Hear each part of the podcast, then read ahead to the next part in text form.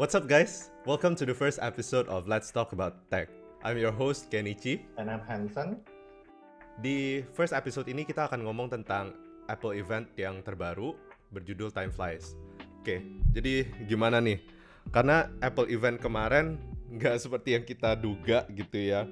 Sebenarnya berapa berapa minggu yang lalu kita udah tahu bahwa Apple event kali ini nggak ada iPhone sama sekali, nggak ada iPhone 12 atau iPhone 12 Pro yang diumumkan yang padahal semua orang udah nungguin banget kan kayak rumors udah banyak banget. Iya. Udah orang ada beberapa yang bahkan kayak mau beli iPhone kayak tunggu aja lah kayaknya bakal keluar nih tahun ini yang apalagi semua orang tahu September event kan.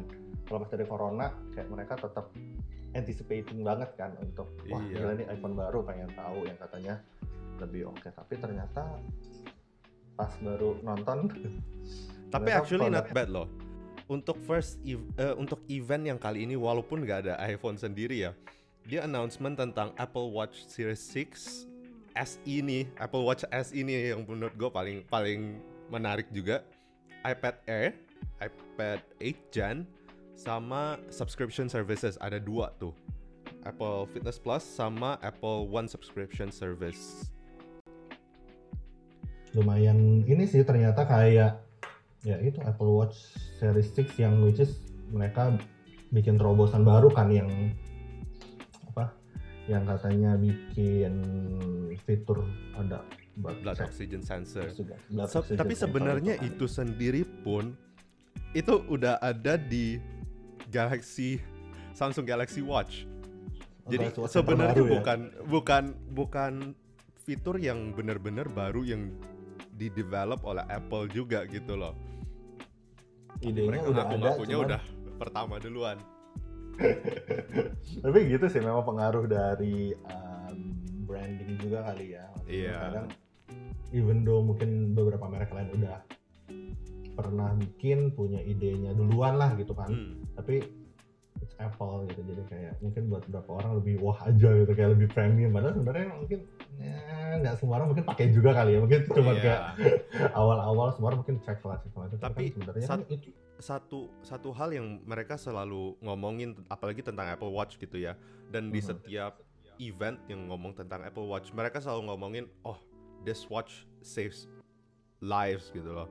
Jadi kayak fitur yang baru dua tahun atau tiga tahun yang lalu di ditambah yang fall detection itu fitur Hmm. Oh, ya, nah itu fitur Bener, yang bener, menurut ya. gua emang revolutionary dia cuma pakai beberapa eh, AI function terus pakai gyroscope gitu-gitu untuk mendetek pas kita jatuh itu menurut yang gua ada yang kayak tiba-tiba menaktifin emergency SOS gitu kan ya nggak iya salah.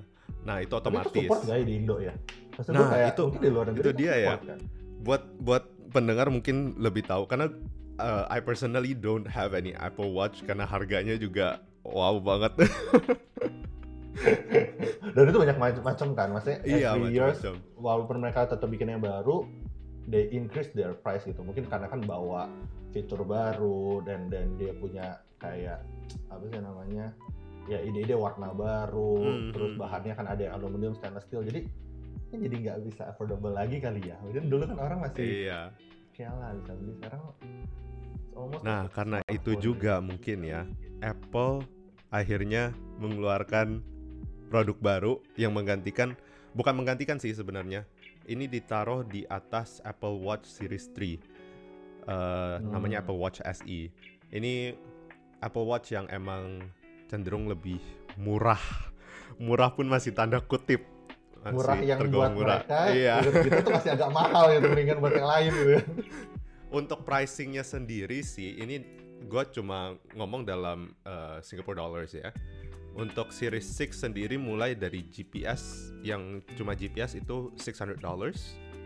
Untuk yang SI mulainya dari 419 dolar, 420 dolar. Berarti anggapan berapa tuh? 4 4 juta 500. 4 juta 500 sampai Indo Iya, ya 4 juta 6 500 kali lah ya. Wah, Tetep Indo aja. lebih 6 juta lah makanya gue bilang murah dalam tanda kutip. Nah, kan Tapi ada juga untuk yang emang pengen kalau misalnya mau masuk ke ekosistem Apple, itu sebenarnya Series 3 juga masih tergolong murah banget, 300 dolar. 300. Oh ya di, di Hmm. US sekitar 200 dolar, di Singapura jatuh 300 Yes. dolar ya. Nah, tapi sayangnya untuk yang Series 3 sendiri itu ada fall detection nggak sih? Setahu gue sih nggak ada fall detection itu. Nggak ada kayaknya. Itu Nggak ada fall cuma untuk detection. series terbaru kan. soalnya. Mm-mm, mulai dari Series 4 sampai Series 6 itu ada Enam. fall detection. Iya. Wah, Series- tapi kan sebenarnya Apple Watch itu dipakai juga untuk karena mereka juga promosinya kan untuk benefit kayak fall detection begitu kan penting banget ya. Gimana sih menurut lo Benar. kayak kalau misalnya orang mau masuk ke ekosistem Apple baikkan SE atau Series 3? Apalagi dari harga Tergantung begitu. sih. Harga sih biasanya menurut gua sih orang Mm-mm. lebih satu ngeliat harga kan. Harganya kayak Hmm, mereka lihat harganya dulu bedanya jauh nggak nih kalau bedanya mungkin nggak gitu gede ya baru mungkin mereka lihat spek gitu kan nggak semua orang lihat spek gitu mungkin kalau Iya. buat kayak lu buat kayak gua gitu kan mungkin kita bisa demen banget nih ngeliatin spek speknya apa sih yang berubah? Apa sih yang bagusnya apa sih yang enggaknya gitu? Hmm, kalau buat hmm, hmm. orang-orang awam biasanya mereka pasti akan lebih melihat eh, gunanya untuk apa sih gitu. Biasanya mungkin kalau mereka cuma buat lihat notifikasi lah lihat uh, tracking mereka mungkin fitness lihat steps lihat uh, detak jantung heart rate dan segala macam mungkin mereka akan pilih cheaper options gitu loh. Hmm. mungkin tapi kalau untuk orang-orang kayak soalnya kan SI punya pun kan kalau gua lihat-lihat juga gitu so gue baca-baca juga mereka secara tampilan kan kayak series 4, 5, 6 kan mereka Iya, adaptasi benar. dari itu punya kan uh, Benar. desainnya everything sama jadi Hmm. kayak jatuhnya orang juga nggak tahu nih kalau lihat detail mungkin orang tahu nih oke ini uh, Apple Watch SE yang terbaru nih gitu tapi Hmm. kalau buat orang awam lihat dari jauh gue nggak Ya, tahu tuh sama itu aja. series 4, 5, 6 nggak tahu Iya. gitu. Nah, dan- lagi menurut gue sih gitu. itu brings up uh, an interesting question gitu ya. Apakah kita mau sacrifice fitur yang misalnya untuk uh, banyak orang penting gitu ya, apalagi untuk uh, watch Apple Watch yang emang mengutamakan fitness untuk mengutamakan health gitu. Mm-mm. Apakah kita rela mem- membayar uh, bukan membayar lah, melewatkan series yang kayak SE begini untuk yang lebih murah tapi akhirnya mengorbankan fitur-fitur kayak untuk health dan fitness yang lebih. Hmm, Apakah itu gengsi? Karena kan kita tahu sendiri Nah, juga bener. kadang orang orang Indo wah Apple Apple itu a luxurious brand gitu loh. Emang Bener. emang in terms of uh, brand branding Apple emang luxurious. Cuma apakah kita rela untuk karena gengsi akhirnya fitur-fitur yang emang seharusnya penting gitu ya kita korbankan gitu loh. Hmm, tapi balik lagi kalau menurut gua kalau gengsi ya biasa kalau orang ngomong gengsi ya pasti mereka akan Hmm. ambil yang terbaru kan. Iya. Untungnya yang terbaru ini memang lebih lengkap fiturnya, tapi apakah Hmm. dipakai belum tentu menurut gua ya. Hmm. Kayak misalnya contohnya kalau boleh ambil contoh yang kurang lebih mirip kan kayak tiba-tiba pas iPhone yang 11 Pro Max yang terbaru aja pas Indo belum keluar aja orang Mhm. udah berbondong-bondong beli gitu kan. Hmm. kayak mereka mungkin mereka tidak tahu nggak nggak tahu detailsnya ini. Misalnya kamera ada tiga buat apa aja sih gitu kan. Tapi mereka yang penting gue punya gitu kan gue punya. Terus gue Iya. orang kalau lewat itu lihat pasti udah udah pasti eye catching banget. Karena kan kamera kotak kamera ada tiga bla bla bla Hmm, bla. Hmm, hmm. kalau menurut gue sih lebih kayak hmm, mungkin kayak eh, apa yang fall detection itu kan menurut gue nggak terlalu itu dia balik lagi. Kalau gue mikirnya adalah apakah itu support gitu di menurut lo itu support nggak sih sebenarnya? Gue kurang tahu juga Karena menurut gua untuk mungkin ya untuk emergency SOS itu pasti ada uh, support. Cuma untuk di Indo, gua nggak yakin di iBox gitu jual Apple Watch nggak sih? Harusnya enggak jual ya. jual mereka tetap Oh jual ya, mereka jual. Nah kalau misalnya udah ada jual di iBox atau di official distributor, seharusnya emergency SOS begitu udah fitur yang hmm, quote unquote udah official, yang udah pasti ada gitu loh. Hmm. Kalau menurut Cuma- gue sih kayaknya mungkin nggak terlalu orang nggak terlalu fokus ke sana lah. It's not their main point untuk oke gue beli Hmm. produk karena ada fitur ini gitu. Hmm. Kalau menurut gue ya karena itu kayak hal kecilnya aja sih. Mungkin orang lebih kayak it can be eh, oke ini produk lebih baru harusnya lebih bagus lebih awet gitu. Kan orang Hmm, mikirnya kan hmm, Apple products itu kan awet ya. Jadi pasti mereka akan mikirnya lebih ke sana sih kalau pendapat gua ya kalau Iya, gua. iya. Tapi either way mau gimana pun mau kondisi apa pun menurut gua tuh udah terlalu mahal. Jadi gua sendiri pun kayak gak ada kepikiran kayak misalnya gua sering aktivitas nih terus gua kayak pakai ini Hmm. gua bisa buat ada fall detection dan segala macam.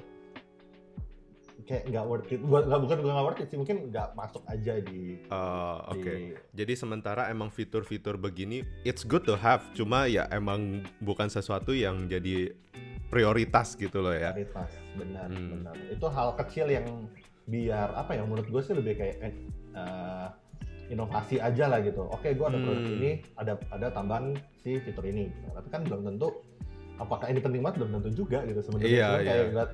it's part of marketing, it's part of kayak sales kan, sellingnya biar selling pointnya oh gue punya produk ini loh gitu kasarnya. Tapi kan Hmm. pakai atau enggak itu kan pilihan dari customer.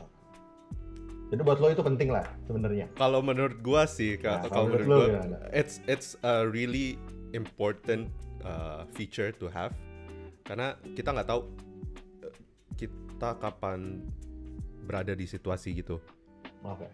Kita nggak tahu bakal jatuh atau gimana. Dengan adanya fitur begitu berarti kan kita ada satu uh, pelampung lah anggapannya. Ada Nah, satu benar. pelampung di mana kalau misalnya hal begitu terjadi amit-amit, amit-amit, Oke. amit-amit jatuh begitu ya. Hmm. kita otomatis langsung ada SOS, ada apa itu udah udah siap gitu loh. itu aja sih. Ya, balik lagi sih itu itu lebih mungkin lebih subjektif lah ya. Secara secara punya subjektif sih. Ya, ya, pilihan aja sih. Tapi menarik sih, gue juga pas lihat seri 6, gue lebih yang bikin gue lebih menarik sebetulnya karena kan itu awal-awal kan semua by visual kan, kayak Mhm. gambar, fitur gitu kan. Sebenarnya entah kenapa kalau buat gue mungkin gue tidak gue udah nggak ngikutin Apple Watch sejak dari yang mulai dari 4 karena 4 5 6 kan kurang lebih sama tuh Iya iya. secara tampilan kan menurut gue kayak dia secara desain nggak begitu beda nggak sih cuma beda lebih mungkin layar lebih gede ya nggak sih and then dia punya yang Eh, dia punya display. Display itu dari awal dari series 3 itu 38 sama 42 mm optionnya dan Oh, itu iya. bezelnya gede banget kan.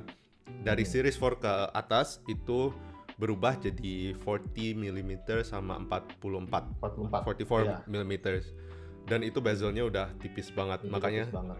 eh, bisa dalam case yang kurang lebih ukurannya dan itu mungkin lebih cocok juga kali ya untuk sekarang. Maksudnya kan kalau 38 sama 42 kan mungkin untuk di tangan cewek mungkin pas gitu kan.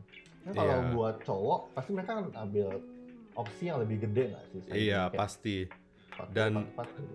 sebenarnya dengan apalagi di tahun 2020 kini ya orang beli series 3 dengan bezel setebel itu waduh udah berasanya kayak dinosaur watch. Udah berasa agak agak ketinggalan zaman outdated ya agak outdated ketinggalan zaman ya. iya nah ngomong-ngomong soal Apple Watch sendiri ya Apple juga ngeluarin fitur family jadi eh, Setup itu ya Iya, family setup. Jadi satu iPhone bisa kontrol beberapa Apple Watch yang previously cuma bisa satu kan. Iya, juga Menurut- menarik. Seingat gue kita ada ngomong soal ini dan lu ada ada tanggapan bagus nih soal ini nih. Yang ini kan, ya, ini sih gue cuman based on apa yang gue lihat dari eventnya kan. Karena kan Hmm, mereka hmm, kan visualisasinya kan dengan cara uh, misalnya orang tua, orang tua kan yang udah punya uh, satu, misalnya smartphone dia udah punya, dan then misalnya dia Hmm, pakai Apple hmm. Watch, and then dia gunain fasilitas memory setup ini kan untuk track gitu, kan track si anak-anaknya gitu kan. Hmm, hmm, hmm, hmm. Jadi kan anak-anaknya secara tidak langsung kan walaupun dia tidak punya handphone dia bisa tetap dikasih Apple Watch supaya orang tuanya bisa maintain dia kan Iya. Gitu kan. Nah, kalau gue ngelihatnya sih bagus nih, bagus banget kayak pas gue liat nih, wah ini sih mereka mikirinnya cu- cukup jauh nih, mereka nggak cuma mikirin tentang sales, kayak oke orang-orang yang suka dengan produk Apple, tapi mereka mikirin untuk kayak untuk eh, misalkan kalau tadi kan fall detection kan untuk kayak protection kan, untuk safety. Hmm, kalau ini hmm, kan lebih safety-nya lebih ke banyak orang kayak buat ke anak-anak segala macam. Which is kan secara nggak langsung anaknya kan pakai Apple Watch untuk orang tuanya nge anaknya ada di mana, Uh, terus mereka nggak lagi ngapain gitu kan Hmm. secara mereka buat belajar bisa dipakai tetapi kalau menurut gua bakal ada satu impact di mana kayak berarti anak-anak kan udah tahu deh teknologi nih Iya. maju banget nih gitu kan untuk anak sumber mereka gitu apalagi mereka pakai Mhm. visualisasinya kan anak-anak yang SD SMP gitu kan Hmm. dan mereka kan berarti bisa which is sebenarnya bagus gitu gua kalau menurut gue tuh bagus karena mereka bisa tahu teknologi yang lebih maju it's uh, supporting their life juga their activities tapi kan gue nggak tahu nih apakah akan ada dampak-dampak uh, yang negatif dari kemajuan teknologi untuk anak-anak seumuran mereka gitu loh Iya. which is kayak Uh, tapi for me sih, karena menurut gua ini actually it's a good thing karena akhirnya anak-anak diarahin ke Apple Watch doang, nggak ke smartphone atau gimana. oh Kan lepas dari dari smartphone gitu loh. Jadi fitur-fitur yang terbatas itu akhirnya yang emang essential lah. Kayak kemarin ada diomongin tentang oh study mode. Jadi dia bakal Kayak, kasih uh, kasih stopwatch or some sort of feature kayak begitulah kurang lebih. yang kayak kalau misalnya dia lagi belajar dia nggak apa ada fitur do not disturb jadi Yes. dia nggak akan ketergantungan untuk ngeliat jamnya terus Iya, kan Mereka kayak ya iya. udah gue kerja dulu setelah udah selesai gue udah bisa akses dan dia bisa Hmm. ngelakuin banyak hal juga kan yang gue lihat juga ada dia bisa bikin memoji Iya, bisa bikin itu. memoji. ya kan itu kan Iya. anak-anak seneng banget gitu kayak gue bisa desain nih muka gue kayak gimana terus juga kayak uh, ya kayak lucu-lucuan buat mereka buat interface Iya. Watch Dan mereka. itu kan berarti kan uh, anak-anak makin menjauh dari actually agak menjauh dari smartphone juga yang yang bisa mungkin memperangkap mereka lah. Memperangkap mereka. kayak addicted ya addicted tuh Iya, bikin addiction. mereka. Hmm. Tapi menurut gue juga, tapi ini menarik sih. Ini mungkin kita akan bahas di satu topik yang nanti berbeda ya. Di lain Iya, episode. Kan ini iya. lumayan opini ini kan. Tetapi ya gitu Mm-mm. balik lagi eh, mungkin beda culture lah di luar gitu kan. Ini untuk katanya. Jadi mungkin beda culture. Kalau di luar mungkin anak-anaknya lebih bisa ke maintain gitu kan menurut gue ya. Hmm. Sedangkan kalau sekarang kan anak-anak smartphone tuh pakai untuk apa sih buat nonton. Biasanya mereka untuk nonton sambil makan sambil nonton nih. Iya. And then sekarang yang lebih ekstrim mungkin orang mereka bisa tahu yang namanya TikTok dan mereka mereka make a TikTok gitu loh. Ada yang bagus, ada yang enggak ya. Tapi itu entar lah, Iya, itu itu kita iya, bisa iya, itu bahas Ntar, ntar kita the bisa bahas. ntar. nanti di ya kita Iya. bahas nanti yang terpisah lah gitu. Ini kita bahas tentang tentang event si Apple ini kan sebenarnya. Jadi eh, oke, selain Apple Watch sendiri ya, kita ada dengar juga dari Apple untuk eh, official release dari untuk refresh iPad Air yang 4th gen sama iPad 8th generation. Yang paling menarik nih, kita ngomong dari yang paling menarik dulu nih ya, iPad Air. iPad, iPad Air ya. Air. iPad Air yang Wah. udah kayak iPad Pro ya.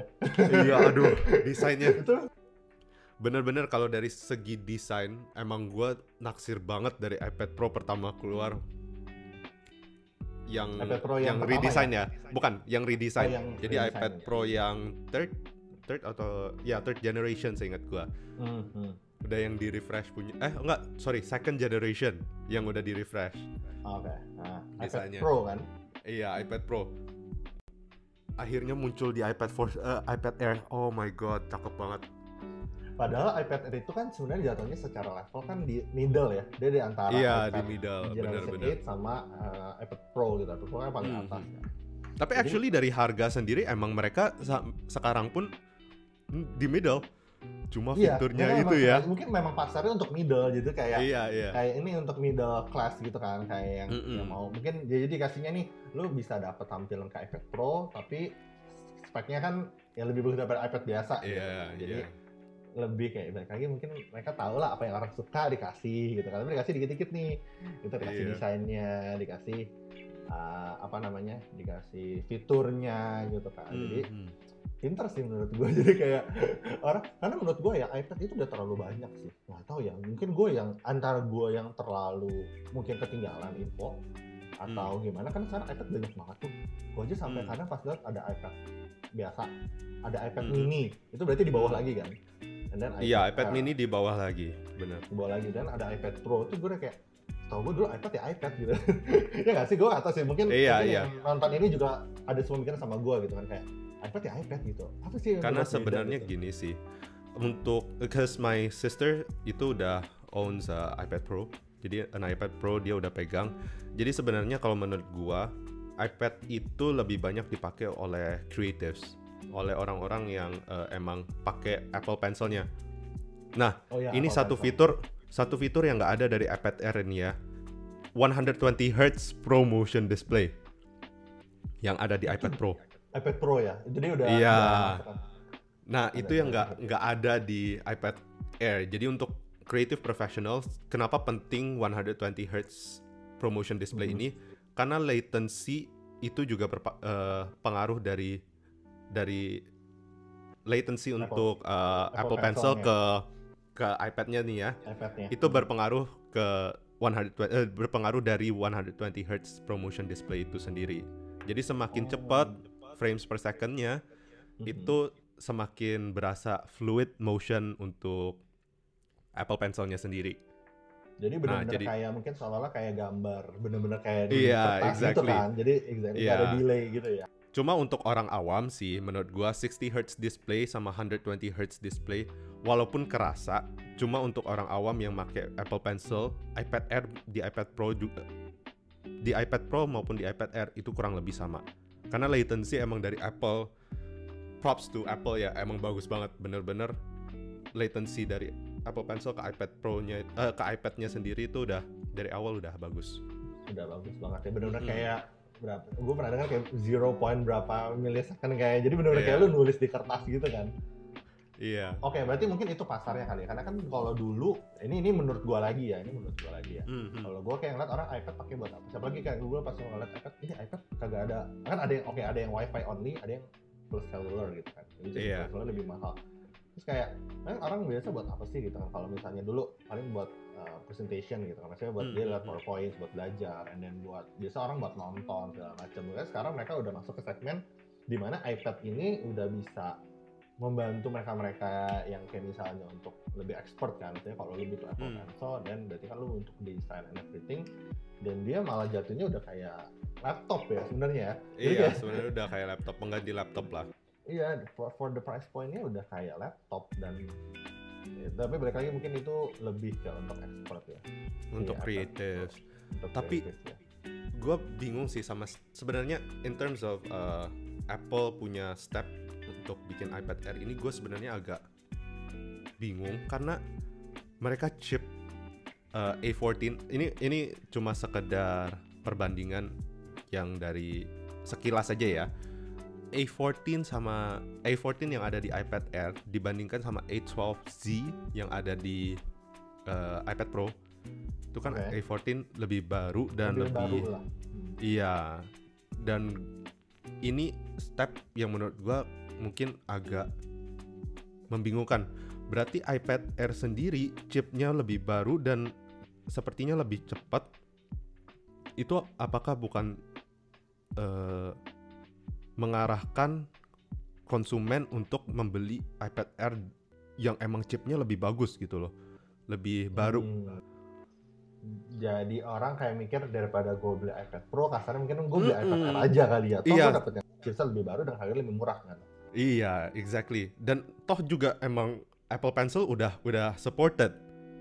Iya, apa pasti yang Gen 2 kan ya kalau nggak salah. Iya, ya, Gen katanya 2 udah- udah nempel supported. di sampingnya itu. Yes. Itu ya, itu, itu, itu, itu keren juga sih. Ini bedanya kalau yang pertama katanya kan masih tetap yang yang Colok kayak di di bawah kayak lollipop.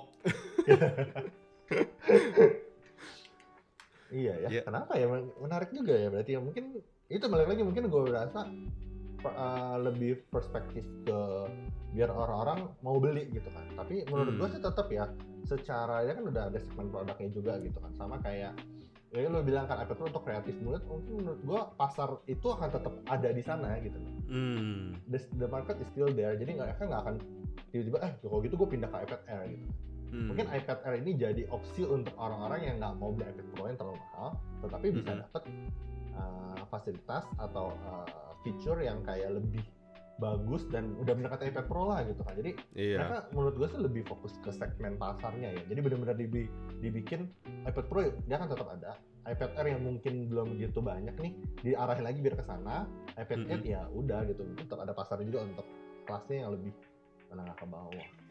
Nah, tapi lu juga seneng kan sebenarnya iPad Air jadinya. Iya. dapat iPad Pro punya. Dari dari sisi konsumen, gue dari sisi konsumen seneng. Karena fitur begini akhirnya kayak bisa dapat lebih murah. Karena apalagi kan kita tahu sendiri Apple tends to give a higher pricing juga ke barang-barangnya. Jadi kayak wah oke dapat fitur bagus dapat chipnya juga lebih cepat ya udahlah iPad Air udah pasti lebih oke mereka juga udah switch ke USB-C udah Ah. ya udah ke USB-C juga jadi menurut gue wah ini sih mantep banget sih iPad Air sih Iya sih benar. Pas gue liat pas A14 Bionic gila berarti udah yang kayak yang terbaru kan. Dan desainnya itu Iya. dia pakai yang iPad Pro yang 2018 kan. Kalau sekarang kan dia udah pakai dual kamera plus lidar ya, lidar. iya lidar sensor jadi Lidar untuk sensor. untuk orang-orang yang emang menggunakan AR banyak sih ya iPad Pro berarti still a good option karena lidar Iya. sensor itu lebih cocok untuk uh, AR untuk mereka. untuk AR augmented kan ini. reality Mm-mm. Nah iya itu makanya gue bilang tetep lah maksudnya mau gimana pun eh, pasti ada hal yang membuat orang oke gue akan stay di iPad Pro. Hmm. Ada juga yang kayak oke maybe I just buy iPad Air gitu. Mungkin ah, tadinya orang yang tadinya nggak mau beli iPad Air mungkin jadi jadi lebih kepengen gitu loh ngerti gak? Misalnya kan lihat orang Iya, nih iya. ah ini mah biasa aja gitu kan. Tapi lama-lama pas lu lihat wah ini tampilan keren gitu kan. Fitur baru, Hmm, hmm. chipset baru. Daripada gue beli iPad Pro yang gue kira apaan sih mahal banget, mungkin gue coba beli kali ya. Nah, kan kan itu mungkin pasar Iya. yang mau diambil gitu loh. Orang-orang yang benar juga sih mungkin mungkin kepake juga gitu. Karena sama orang banyak juga yang pakai iPad untuk meeting bener kan? Gue sering lihat Hmm, ada teman hmm, teman gue tuh daripada bawa MacBooknya dia dia lebih prefer bawa iPad kan. Apalagi sekarang iPad Air itu juga udah bisa support ke Magic Keyboard. Iya. Bener gak? apa gue salah? bisa bisa. wrong, iya kan? tapi siapa yang mau beli Magic Keyboard? Itu harganya loh. Harganya itu loh. 6 juta cuy. 6 juta cuma untuk a keyboard that basically can float your iPad itu lu kayak beli beli beli laptop baru 6 juta cuma beli cuma dapat keyboardnya aja bisa beli laptop baru loh Iya. wah keyboardnya itu yang gue denger kayak mungkin seharusnya kan sebenarnya kalau lo bikin kayak gitu kan mempermudah lu kan Heeh. kalau nggak salah kan ada orang pernah coba iPad Pro plus the Magic Keyboard itu tuh berat banget gue udah kayak Hah? gue udah kayak terus terus maksudnya gimana gitu? Maksudnya mungkin up- eh, ya mungkin dia satu mau jual desain kan? Tapi kayak iya. jadi lebih berat loh. Orang apalagi MacBook sekarang juga you know, udah udah udah enteng-enteng banget. Even Mac, MacBook Pro yang yang pertama kali first gen yang 2000 berapa ya? Kan cici gue punya kan 2011 tuh. Mhm. Iya, saya udah kayak batu bata gue kayak apaan sih ini laptop? Dipegang satu tangan tuh nggak bisa. Hmm. MacBook Air sekarang MacBook Pro sekarang pun kan udah enteng banget. Tapi ya Tapi emang itu, itu itu itu yang mau dijual juga sih. emang sebenarnya kalau Magic Keyboard sendiri itu lebih lebih untuk estetik aja lah. Tapi uh, my recommendation buat yang dengerin ini mungkin menjauh dikit dari Magic Keyboard kalau misalnya emang mau fungsional fungsionalitasnya itu dan harganya aduh jangan deh mending jangan jangan Magic Keyboard deh. Oke. Jadi Jadi lu beli, mending lu beli laptop sekalian kan. Iya, mending beli Iya, laptop sekalian gitu loh. Harganya itu nggak justifiable sama sekali. Oke, selain iPad Air kemarin, mereka juga keluar iPad 8 Gen. Ya. Ah, ini opsi Iya, buat orang-orang yang mungkin baru mau masuk ke dunia iPad. Oh iya, Dari sana ya. Instead of iPad mini kali ya. uh-uh. by the way, untuk semua produk di sini kecuali iPad 8 Gen itu nggak ada adapter. Oh Jadi nggak ada Nah, adapter ini sama gua- sekali. gua- Nah, itu dia. Itu Jadi- juga yang berlaku di ini nggak sih? Yang di Apple Watch Series 6 juga nggak ada. Exactly, exactly. cuma comes with cable tapi dia nggak ada Mm-mm. adaptornya kan. Mm-mm. Ini ini to buy it kayak separately gitu kayak. Tapi it- it's a good step. I think I think it's a good step karena maksudnya ini eliminated uh, another carbon footprint gitu loh. Jadi emang untuk environment Hmm. lebih baik juga karena kan akhirnya mereka produce less supaya ya eh, eliminate carbon footprint. Karena basically kan Iya. most yang kayak iPad Pro atau iPad Air terus dengan kayak Apple Watch Series 6 itu banyak kan Apple eh, pengguna-pengguna yang baru gitu loh. Eh pengguna-pengguna yang udah lama, sorry. Pengguna-pengguna yang udah lama. Jadi basically udah ada adapter, udah apa? Ngapain lagi dikasih adapter? Oh dan mereka bisa emang bisa compatible ya? Bisa compatible dengan yang baru. Untuk yang Kalau misalnya mereka udah Udah bisa kalau Apple Watch nggak apa-apa. Cuma untuk yang iPad Air sama iPad Pro itu emang Dia adapter dari USB-C ke USB-C. Oh, C2C ya, USB-C Hmm. USB-C.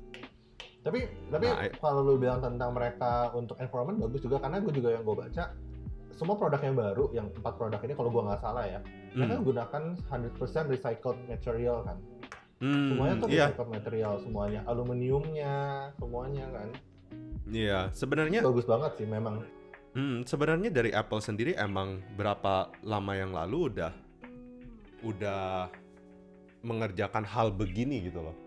Cuma mungkin sekarang baru lebih ke publish aja ya biar orang juga Mm-mm. mungkin tahu lah ya. Maksudnya barang-barang yang dipakai itu kan bahan-bahannya kan recycled which is kayak ya you don't don't have to worry about environmental and everything gitu kan jadinya kan. Tapi ya keren sih kalau misalnya ini. iPad 8 yang menarik apa buat lu? Pricing. Sekali Compared lagi. iPad 7 pricing, Pricing pricing, ya. Pricing, selalu pricing. Dia karena dari Mm-mm. hmm, harganya kalau nggak salah dari kurang lebih kalau gue yang ngecek kan 329 dolar kan itu US dollar. for the GPS dollar. US dollar itu around kalau gue US convert itu kurang 4 sampai 5 jutaan. Nah, mungkin sampai sini sekitar 6 sampai Lim, ya, Ya, kurang lebih lima lima setengah juta lah, lima setengah sampai enam 5 juta mulai. Dan itu, dan itu mungkin jadi yang termurah nggak ya kalau dia Iya. masuk Apple Store ya nggak sih? Kayak Mm-mm. once you come to Apple Store, iPad Air itu jadi opsi yang paling cheap. Karena paling setahu gua gitu lah. dari Apple sendiri iPad mini udah di discontinued. Jadi udah nggak diproduksi lagi. Ya.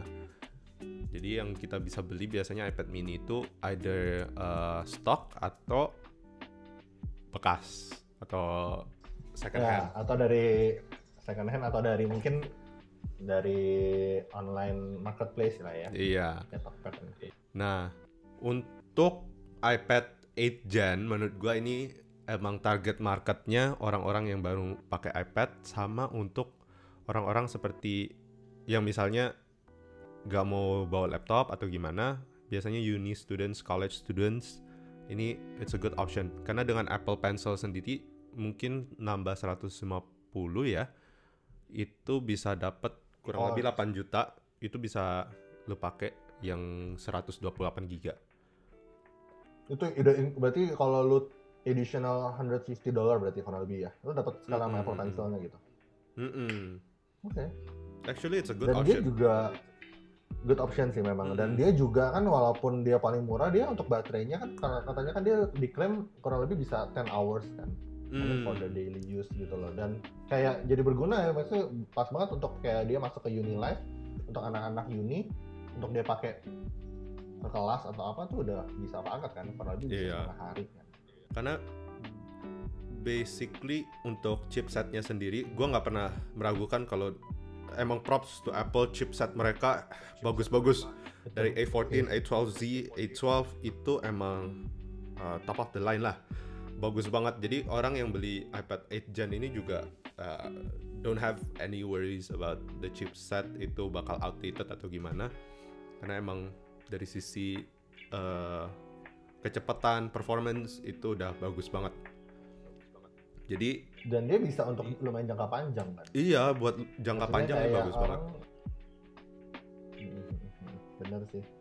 Itu itu juga jadi selling pointnya mereka chipset sih benar-benar gue juga sering baca banget chipsetnya mereka tuh kayak always dan mereka kayak selalu updated dan mereka tuh kayak bener-bener gak main-main di chipset gitu kan. Walaupun Iya. mungkin kadang desain ya refreshnya dari either lu ambil dari yang udah lama segala macam tapi untuk chipset ini untuk jantung tenaganya nih itu udah susah banget di compare gua. iya. itu juga salah Bener. satu selling pointnya sih Tapi terlepas dari beberapa hal lain tapi untuk sayangnya untuk yang 8 Gen ini sendiri masih pakai uh, lightning connector. oh lain itu yang gue sayangkan sih sebenarnya. Mm-mm. Jadi Apple Pencil-nya pun masih yang first gen yang masih colok ke bawah. tapi secara harga udah beda dong berarti ya beda berapa sih kalau Uh, I think around 100 150 dollars untuk yang Apple Pencil first gen. Gue nggak nggak inget uh, particular ininya pricingnya. Oke, jadi itu untuk iPad ya. Selain iPad di Apple event kali ini itu ada keluar subscription service kayak Apple One subscription service sama Apple Fitness Plus.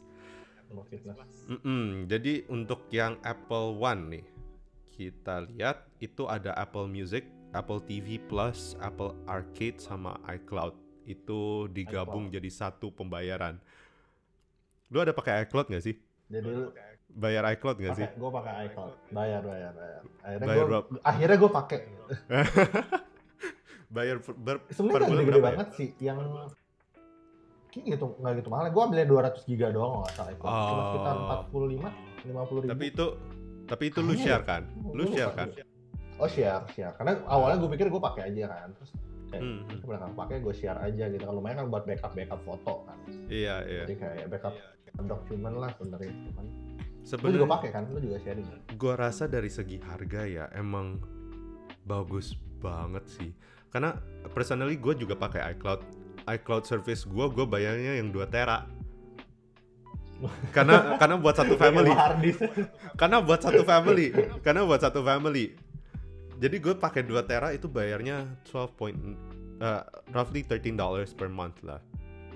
Berarti berapa tuh? 150 ribu per bulan cuma buat 2 tera. Dengan mereka sekarang mengadakan Apple One subscription service ini, lu bayar seka- sekarang berapa? Yang 200 giga? gua Heeh.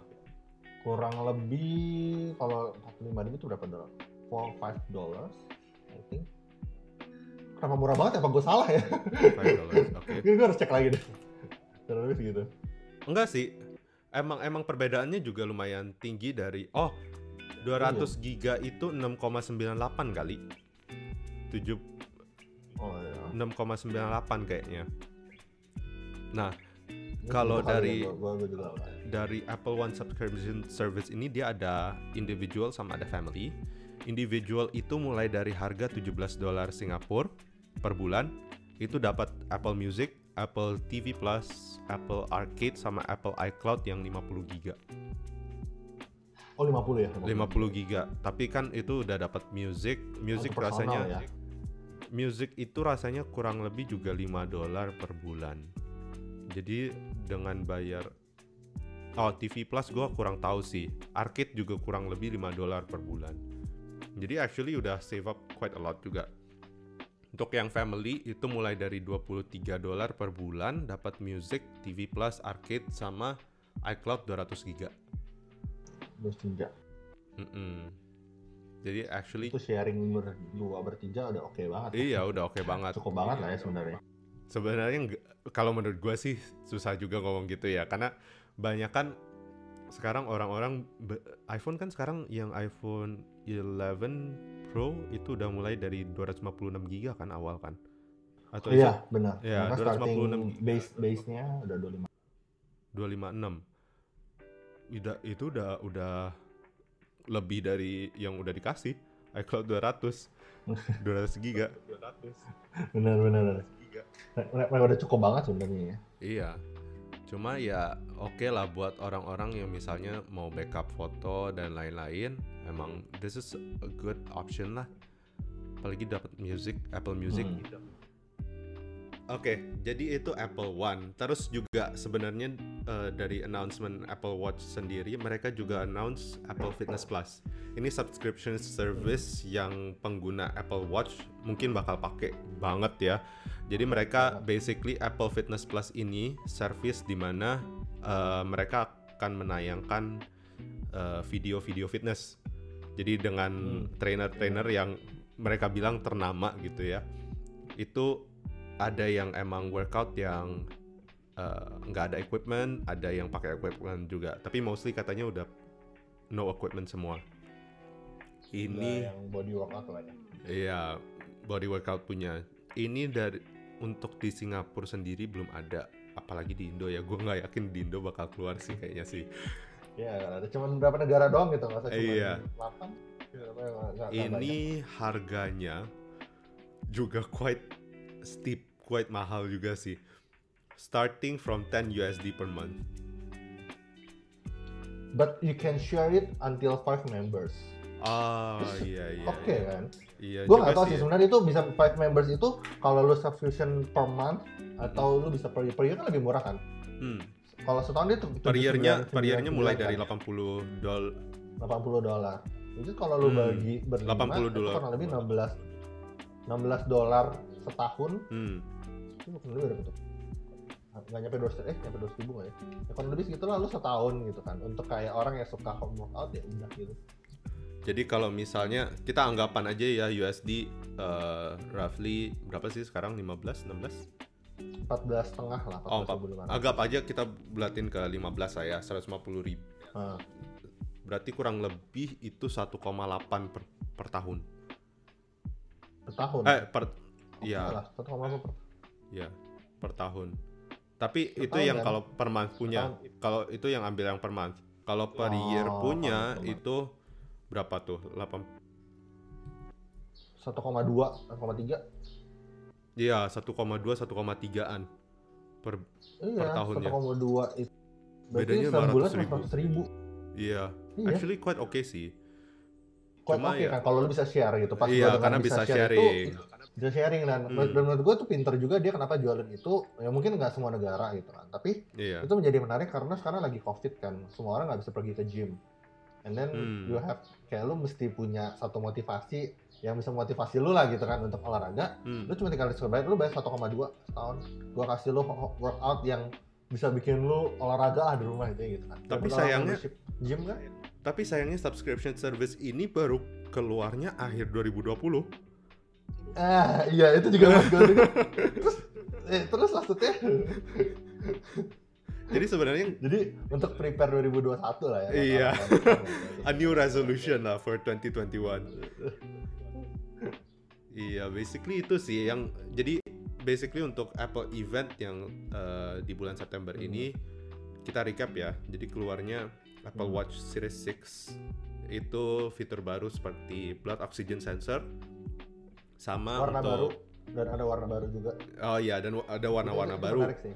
Iya. Warna-warna Terus mereka itu juga keluar menarik. single loop. Jadi yang tanpa tanpa apa ya pengikatnya Nggak ada- gitulah. nggak ada cetekan eh Iya, nggak ada cetekan. ya, ya, intinya intinya tuh kayak cuma di gelang kan Iya, orang kayak gelang, jadi kalau gue baca jadi kayak gelang Mm-mm, gue nggak tahu akan lebih enak apa enggak katanya sih lebih enak ya karena kan lo nggak ribet kan lo cuma kayak pakai Iya. gelang and then kayak udah stick in your arms gitu kan Tapi apa mungkin karena gue terbiasa pakai yang udah ada lock begini, rasanya lebih enak pasang lock daripada masukin begitu nggak sih?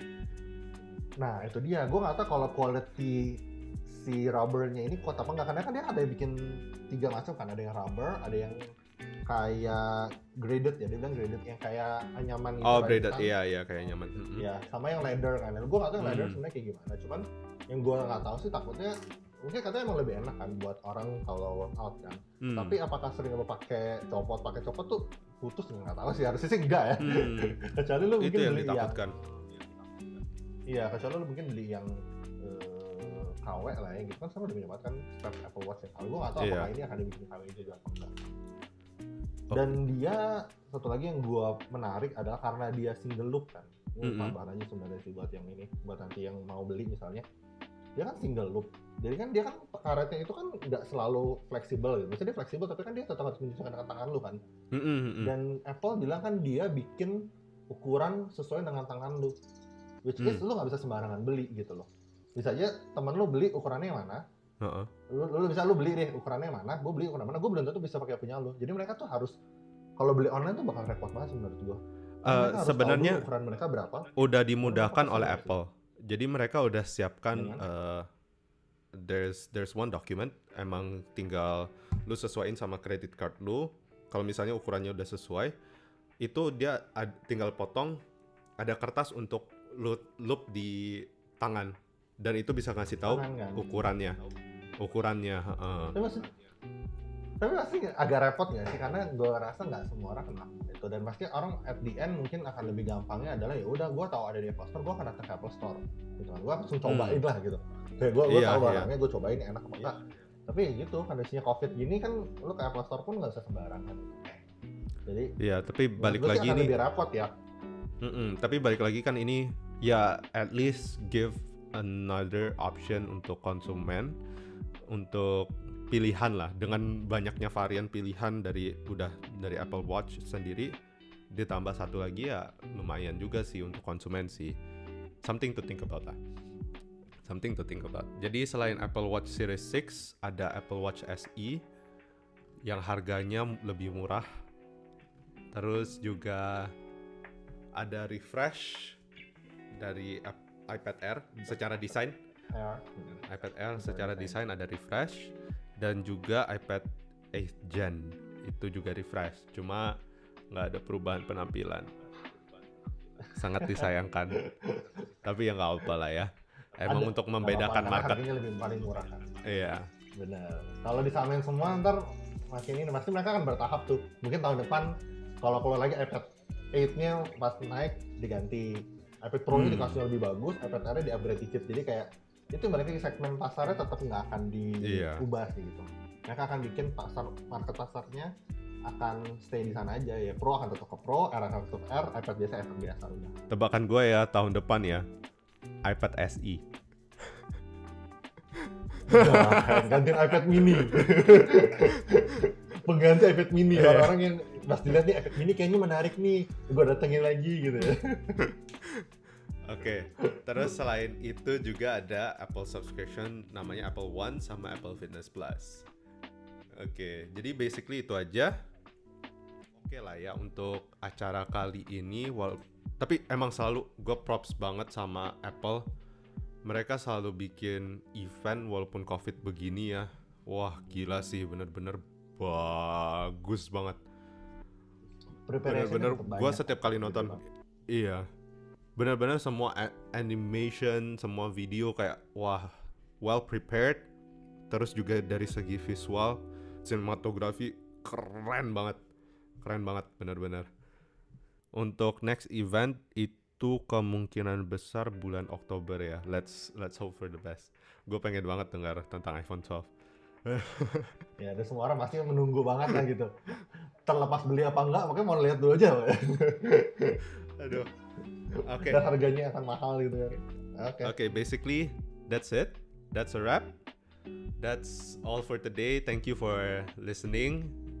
Untuk next episode kita bakal ngomong lebih banyak tentang berita seputar dunia teknologi.